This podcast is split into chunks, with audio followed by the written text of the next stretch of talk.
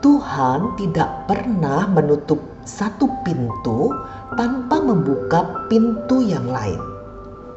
Tuhan tidak pernah menutup satu kesempatan tanpa membuka kesempatan yang lain. Mengapa Tuhan menutup pintu atau kesempatan? Seringkali Tuhan ingin menarik perhatian kita. Dia ingin agar kita memiliki prioritas yang benar. Bila kita menyimpang dari jalannya, kita tidak hanya menghancurkan hati Tuhan, tetapi juga menghancurkan hidup kita. Tuhan ingin mengarahkan kita pada kesempatan yang lebih besar. Kita biasanya ingin tinggal di zona nyaman dan aman, serta tidak menyukai perubahan. Semua perubahan mempunyai resiko dan tantangannya masing-masing.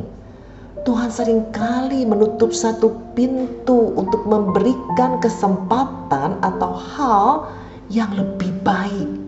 Mungkin sesuatu yang akan lebih dapat mengeluarkan dan mengasah potensi kita, atau melatih dan membentuk karakter kita.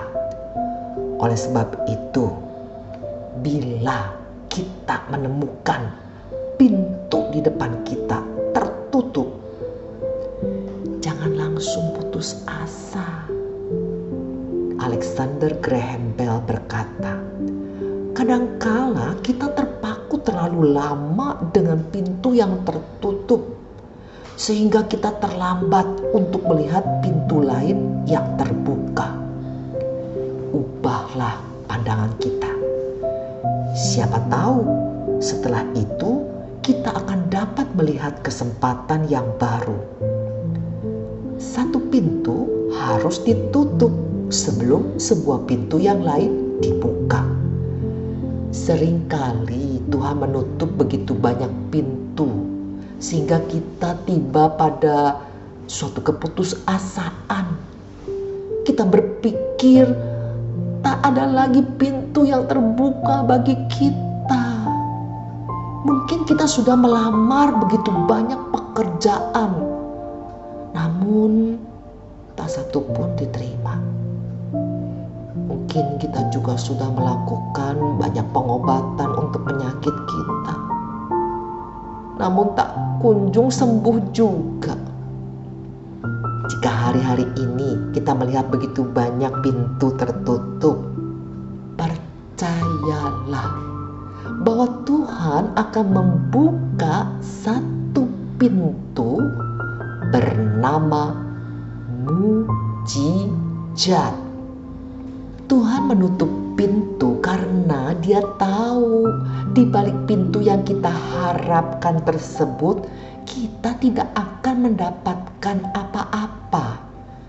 Jangan terlalu lama menyesali pintu yang tertutup Justru kita harus bersyukur karena sesungguhnya Tuhan sedang mengajari kita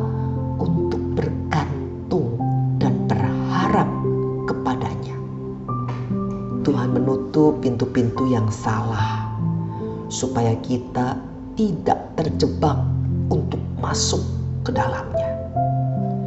Mungkin ada tender bisnis Tuhan gagalkan karena akan membawa kita untuk hidup yang tidak benar.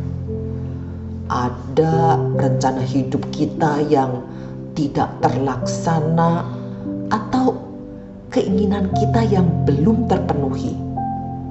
Tetaplah percaya bahwa Tuhan sedang menyiapkan sebuah pintu yang tak terduga bagi kita.